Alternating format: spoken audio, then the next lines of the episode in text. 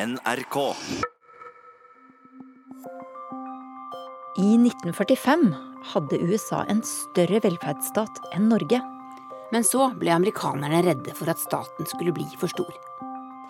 Samtidig fikk vi i Europa offentlige sykehus og gratis høyere utdanning. Nå vil unge amerikanere med stjerneskuddet Alexandria Ocasio-Cortez i spissen ha en slags sosialdemokratisk revolusjon. Men kan demokratene virkelig bli sosialdemokrater? Du hører på Krig og fred med Elisabeth Onsum og Tove Bjørgaas.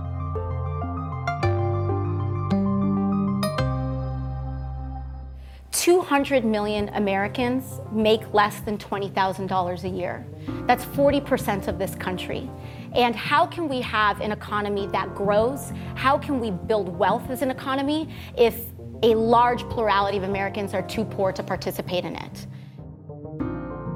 De fant henne gjennom dette nettverket til Bernie Sanders, um, som blei bygga fra 2015 og gjennom 2016-valgkampen. Hvor hun da også deltok som kampanjemedarbeider. Jeg heter Eirik Grasås Stavnes, og jeg er utenriksjournalist i Klassekampen. Hvor jeg bl.a. dekker mye amerikansk politikk. Etter at eh, Donald Trump eh, vant valget i 2016, så fant jeg og for så vidt eh, kona mi ut at vi måtte ta en tur sammen med treåringen vår over til USA og finne ut av hva som egentlig skjedde med demokratene etter tapet. da. Og så kjørte vi på kryss og tvers, 16 delstater. Og en av de helt sentrale tingene som har skjedd i Demokratene, er jo et slags sånt grasrotopprør mot partieliten, som veldig mange mener er blitt veldig fjerne for vanlige amerikanere flest, og ikke representerer vanlige folks interesser. Og en av disse grasrotopprørerne som tidlig var sentral, var Alexandria Ocasio-Cortez. Så vi eh, fulgte den gruppa rundt henne som heter Justice Democrats, som var de som rekrutterte AOC, som jo veldig mange kaller henne nå, eh, til å stille da mot denne partibossen i New York som heter Joe Crowley. Og som til slutt førte til at hun vant uh, i, uh, i uh, juni i fjor, 2018. She's right here. How are you feeling? Can you put it into words? Nope. I cannot put this into words. Can you believe the numbers that you're seeing right now? I cannot believe these numbers right now, but I do know that every single person here has worked their butt off to change the future of the Bronx and Queens. That's what I know. Så jeg ønska å komme uh, så tett inn på det som mulig, og skjønte fort at det å prøve å skjønne disse Justice Democrats, hva er det de vil, hvem er de, hva er det de driver med, det er viktig. Hvem er det egentlig? Ja, Godt spørsmål. Det er altså tidligere uh, medarbeidere i Sanders-kampanjen som etter 2016-valget uh, fant ut at den kursen som Clinton da, og resten av partieliten eh, i deres øyne hadde staka ut, eh, den førte da til tap og det viste at det krevdes eh, radikal endring da, i partiet. Og Derfor bestemte de seg for å rekruttere eh, grasrotpolitikere, vanlige folk, eh, over hele USA, som skulle utfordre mer etablerte demokrater da, i disse primærvalgene. Og da var AOC da, en, av, en av de de fant. Hun virker jo som et usedvanlig eh, taleført eh, menneske med veldig, veldig gjennomslagskraft på skjermen, blant annet. Men hun har ikke gått på de Eh, kjente universitetene eller tatt eh, den vanlige veien? Nei, hun har vel uh, noen, noen ute, Hun er utdanna innenfor internasjonale relasjoner og økonomi ved Boston eller noe sånt. Jeg tror ikke det er noe det er ikke, det er, Disse vanlige demokratene og sånn har jo ofte grader fra Harvard og Yale osv. Hun ikke jobba som bartender da bare kort tid før eh, valgkampen og har en mye mer sånn eh, grasrottilknytta eh, virkelighet bak seg enn veldig mange andre i partiet. Hva sa hun til deg om, om, sitt politiske prosjekt? Nei, Det jeg vel spurte henne om, da, var, var, om hun tror at de politiske ideene hun står for, om de kan ha gjennomslag også andre steder i USA. Fordi hun er jo fra New York, som er en mer på en måte liberal eller venstreorientert delstat, eller by i hvert fall. da. Eh, og da sa hun det at eh, ja, det tror hun. Og ah, det som er at de politiske kampsakene vi kjemper for, de, eh, de er det flertall for i den amerikanske befolkninga. Og det gir jo veldig mange meningsmålingere helt rett i òg. Og da er det særlig dette med helse, at staten skal garantere for helseforsikringa til folk, så du ikke trenger å gå personlig konkurs hvis du blir sjuk, f.eks. Eh, Ocasio-Cortez snakker om at det er et slags øyeblikk i historien nå. Konkret handling gratis utdanning, et slags norskaktig helsesystem der staten betaler for alle. Tror du USA er moden for det? Jeg tror ikke det kommer til å skje over natta, for å si det sånn. Men samtidig så tror jeg at det er mye mer realistisk enn eh, veldig mange prøver å gi eh, uttrykk for. Og da særlig igjen med liksom henvisning til disse målingene som viser eh, hvilken støtte den type politikk faktisk har i den amerikanske befolkninga. Det som hindrer det, er, er mer enn et sånt folkelig motvilje mot det, er jo eh, de rikes interesse for å ikke gjennomføre det. Fordi de tjener så mye på, penger på det systemet sånn som det fungerer i dag. Og da tenker jeg på Wall Street og på Silicon Valley og på legemiddelindustrien. Eh, og hele denne milliardærklassen da, som hun Alexandra Ocasio-Cortez snakker mye om. Det er de som står i veien for, den, eh, for en mer sånn sosialdemokratisk utvikling i USA. Og det er derfor de man nå også, da, eh, med hun og flere andre, ikke minst Bernie Sanders, peker jo disse som en slags hovedfiende da, i den politiske kampen. Mark Zuckerberg, som startet Facebook. Mm. Sånne folk. Hva, hva, tror du han syns om dette opprøret? Det, det, det, det ville da måtte ramme sånne som han dersom det ble vel en helt annen skattepolitikk? Ja, eh, og ikke minst da reguleringspolitikk knytta til disse teknologimonopolene da, som vokser fram fra Silicon Valley. Jeg tror han er livredd for, for den type utvikling. Og han og disse andre tech-milliardærene, sånn som Jeff Bezos og sånn De er demokrater alle mann. De er jo demokrater alle mann, og de har uh, hatt liksom levd livets glade dager, de, fordi har, alle demokratene har vært helt uh, uinteressert i å innføre regulering av disse monopolene. Today we launch our fight for a political revolution. Det er for lengst for sent å telle dem som vil bli demokratenes presidentkandidat til neste år, på to hender. Her er et lite utvalg fra venstre mot høyre. Bernie Sanders, som mange husker fra 2016, og Elizabeth Warren vil ta opp kampen mot de rikeste og omfordele ganske mye. These same rich guys have been waging class warfare against hardworking people for decades. I say it's time to fight back. Kamala Harris, senator fra California, ligger litt mer mot midten, men støtter noen av forslagene til Alexandria Ocasio-Cortez. I think that she is introducing bold ideas that that should be discussed, and I think it's good for the party. I frankly think it's good for the country. Lenger til høyre frir Amy Klobuchar fra Minnesota til dem som stemte på Trump sist. Hun vil ikke gjøre høyere utdanning gratis. Yes or no? Would you support no. free college for all? I am not for free four-year college for all. No. Thank you. Å si jeg er demokrat, det betyr ingenting, faktisk. Jeg tror vi har ingenting som er virkelig til felles akkurat nå. Ja. Ingenting? Ja. Fordi det er, det er noen demokratene som, som, er nesten republikaner, og så er det noen som er nesten rødt, som rødt i Norge. Hvor er Alexandra Ocasio-Cortez, da? I Norge? Uh, ja, SV, kanskje. Hei, jeg heter Indigo Trygghauger. Jeg er 24 år gammel. Jeg kommer fra USA, Washington, Seattle. Og jeg jobber som kommunikatør i PRIO, Peace Research Institute Oslo. Og jeg har bodd i Norge i fem år. Indigo, du var her en del i november i fjor og kommenterte dette kongressvalget. Mm. Etter det så har det jo skjedd en god del egentlig i, i partiet ditt, Det demokratiske partiet. Hva, hva syns du om, om, om det som har skjedd? Jeg tror at uh, valget um, bevisst at det var mulig å være litt lengre venstre, og det er kjempebra. Men um, det er definitivt en internt krig i uh, Demokratisk partiet nå. Uh, det syns jeg. og det er litt vanskelig å si hvilken vei de skal gå nå. Men er det krig? Er det så ille? Ja, det Noen ganger syns jeg det. Definitivt. Um, Det er sikkert veldig som sagt, internt, så det er vanskelig å si om hvor ille det er. Men uh, de, er veld, de, har veldig forskjellige synspunkter. Hva er det de krangler mest om? Det har vært sagt mange ganger at de som er litt lenger i venstre, er uh, de, de, bruker sosialisme som, som et uttrykk. The term democratic socialist, mm -hmm. when you use that term, what do you want people to understand by it? Well, I think what I want people to understand is that we live in a society that is capable. We are capable of ensuring that we have basic frameworks where people can be covered by health insurance, can send their kids to college, where we can pursue a, a very bold action on climate change and save our future, and that it is part of a moral and ethical economy. Og det er noe som mange er veldig redd for.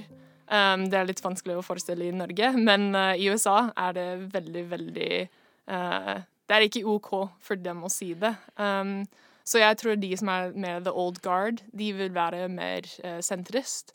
Og det som er kanskje mest viktig, er at med den nye valg som kommer nå, uh, de som er mer sentrist, de er veldig opptatt av folk som er sannsynlige uh, velger. Og det er de som er litt eldre, hvite. Um, mens de som er veldig, veldig langt venstre, de er veldig opptatt av de som muligens kunne være velger.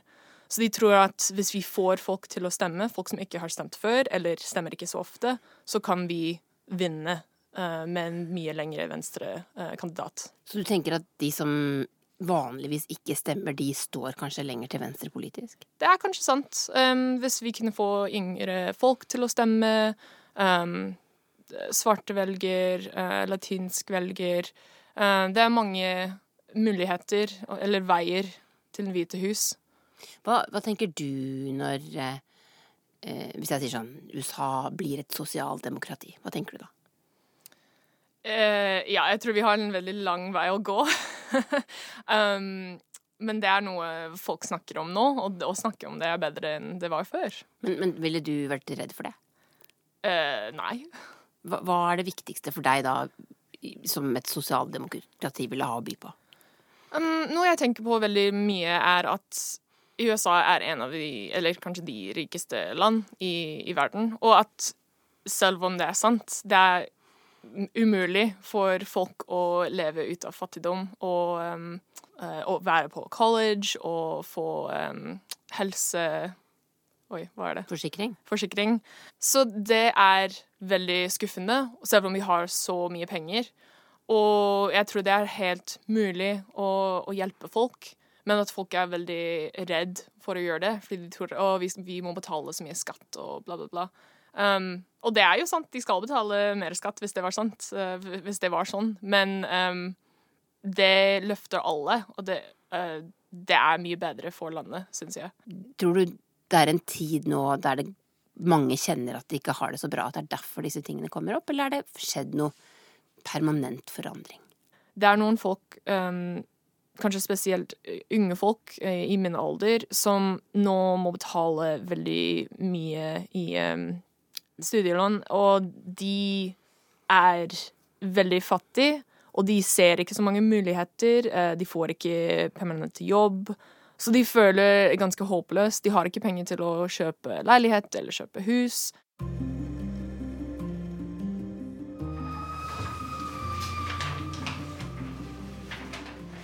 Kan du fortelle om deg selv? Når var det du kom til Norge? Jeg kom hit uh, for fem år siden. For å studere? Ja, for å være utvekslingsstudent. Og så kom jeg tilbake Jeg måtte dra hjem og fullføre bacheloren min, og så kom jeg tilbake for tre år siden. Men for å finansiere den amerikanske bacheloren din, da, hvor mye, hvor mye har det kostet dine foreldre, og i hvilken økonomisk situasjon er du nå? Det var rundt 12 000 dollar per år, og jeg var der i nesten fire år. Uh, og så var det selvsagt mat, bøker, hvor jeg bodde, alt mulig som man måtte betale. Eh, men jeg er veldig heldig, fordi de hadde penger til å, til å betale det for meg. De gjør det. Um, så jeg har ingen studielån, og jeg er veldig heldig for det. Men jeg tror alle, alle de andre jeg kjenner, har det. Men hvis du reiste tilbake til eh, USA nå, mm. hvordan ville din økonomiske framtid se ut? Um, siden jeg har ingen lån, så er det egentlig ganske bra. Men jeg, når jeg tenker OK, hvis jeg ja, drar til New York og jobber i publiseringsbransjen, som jeg har vurdert mange ganger Man får 30 000 dollar i året. Det er ikke nok til å Da er man ganske fattig. I, ikke bare i New York, men mange andre steder. Um, så, så, det føles ikke som en mulighet, fordi jeg kunne ikke ha noe ekstra penger. Jeg kunne ikke tenke OK, i, om fem år skal jeg kjøpe leilighet. Og det kan jeg egentlig tenke i Norge. Det er faktisk en mulighet her. Er du en slags økonomisk flyktning til Norge? ja, kanskje det. Eller politisk. Men du kommet, tror du du kommer til å bli her? Ja, jeg har lyst til å gjøre det. Jeg, jeg ser for meg at Norge kunne være en slags base. At uh, jeg har lyst til å bo i andre land, men at jeg kunne alltid komme tilbake hit. Har det noe med trygghet å gjøre? Ja, definitivt. Det er mange folk som spør moren min om Å, er det jo ikke veldig eh, uh, trist at datteren din bor så langt fra deg? Men hun sier nei. Jeg vil aldri at hun kommer tilbake. Og hun prøver å sende broren min hit også, fordi hun ser at vi skal ikke ha et kjempebra liv i USA, siden vi vil jobbe med ting som, som uh, Man får ikke så mye betalt for det. Han vil være musiker, og jeg vil skrive eller jobbe med NGOs eller den type ting.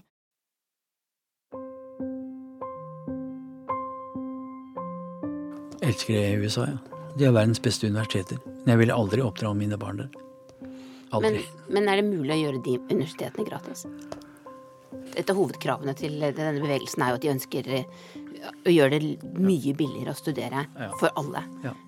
Tror du at USA kunne opprettholde den, den, kvaliteten på utdanning hvis man fikk et system som man har i Norge? Ja, det tror jeg. Eh, fordi amerikanerne er villige til å differensiere mer. I Norge tør jo ikke snakke om eliteuniversiteter. I USA er man klar på det. Og så møter man kritikk med å si at eh, alle har et valg. Du har jo høyere utdanningsinstitusjoner på alle nivåer.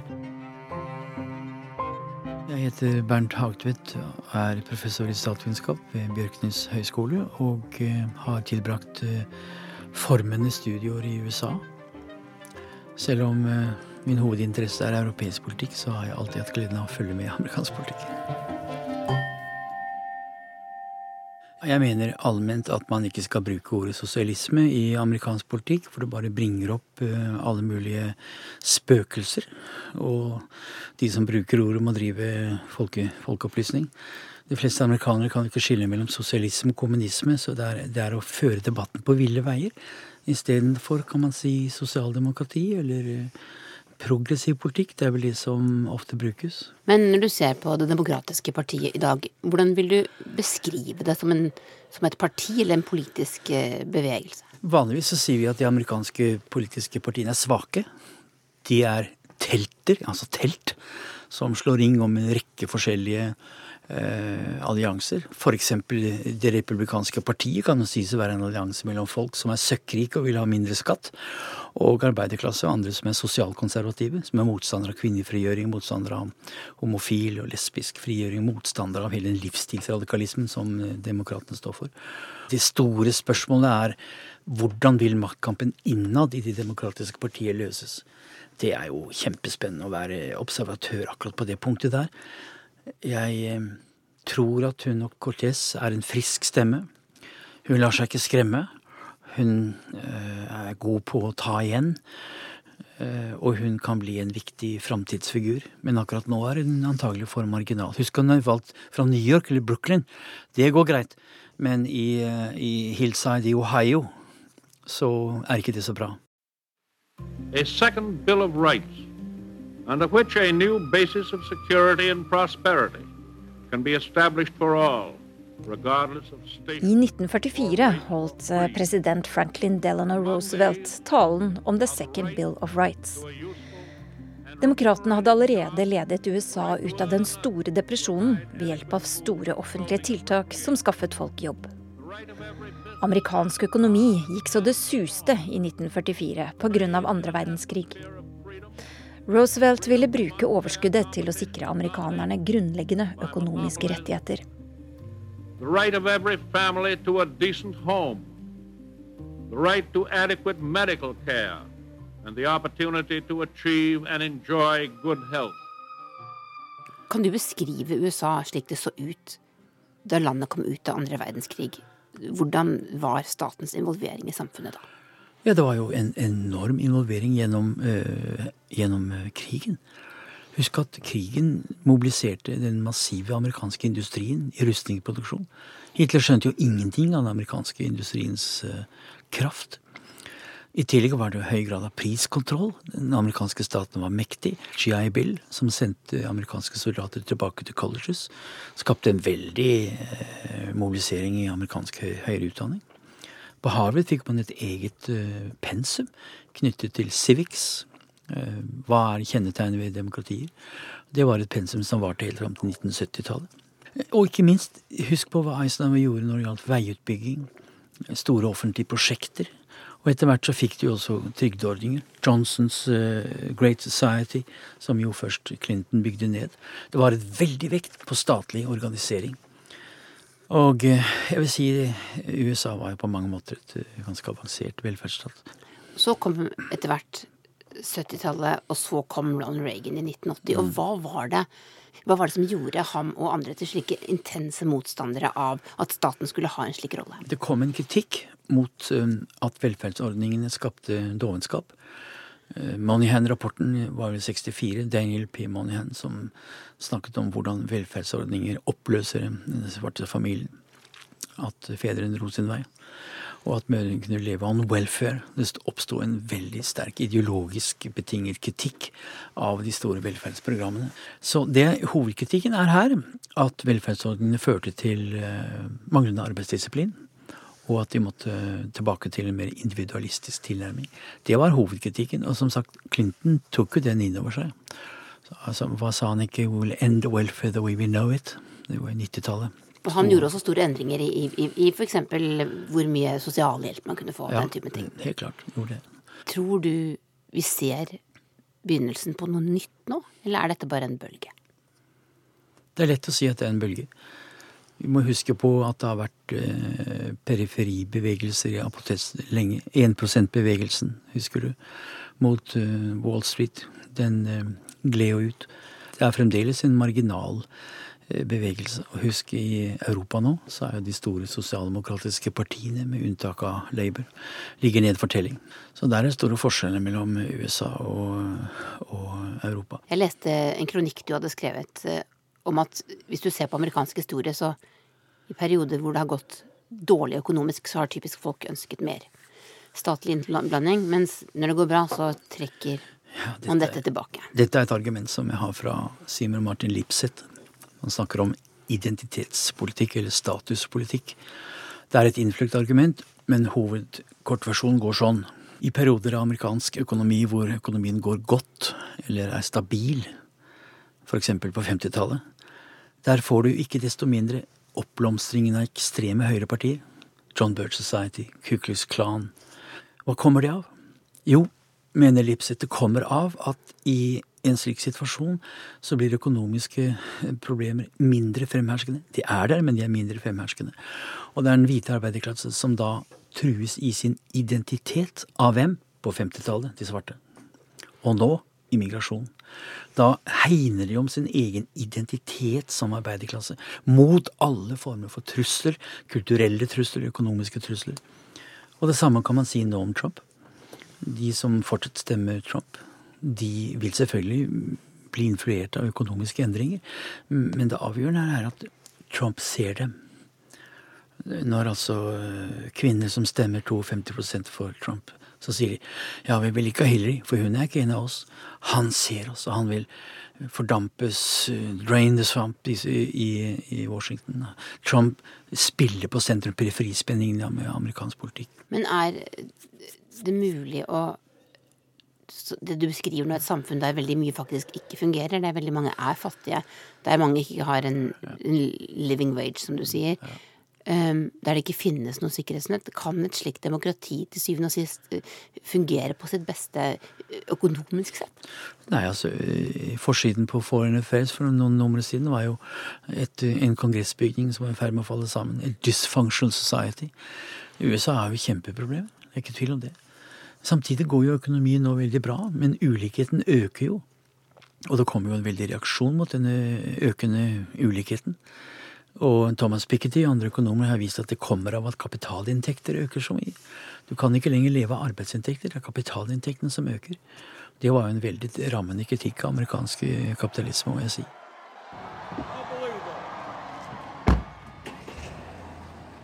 Hva er det som fascinerer deg med, med USA, Erik? Godt spørsmål, fordi jeg i veldig mange år syntes at alle de som var så veldig opptatt av amerikansk politikk, jeg syns det var litt rart. Jeg syns eh, liksom den der eh, voldsomme interessen som fins i Norge for amerikansk politikk, er litt eh, teit, rett og slett, med, med et litt tullete ord.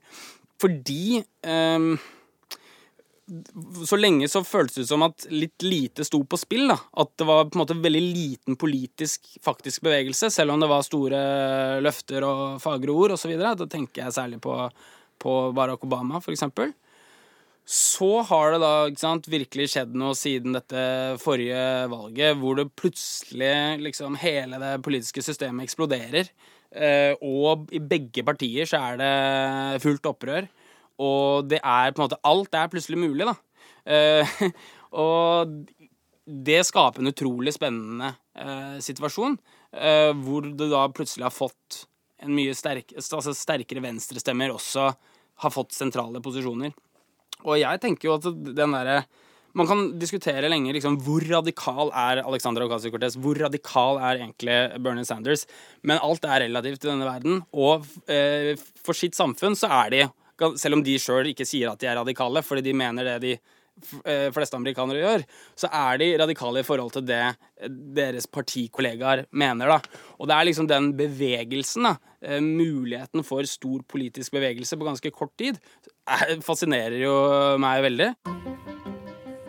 Krig og fred, en podkast fra NRK Urix.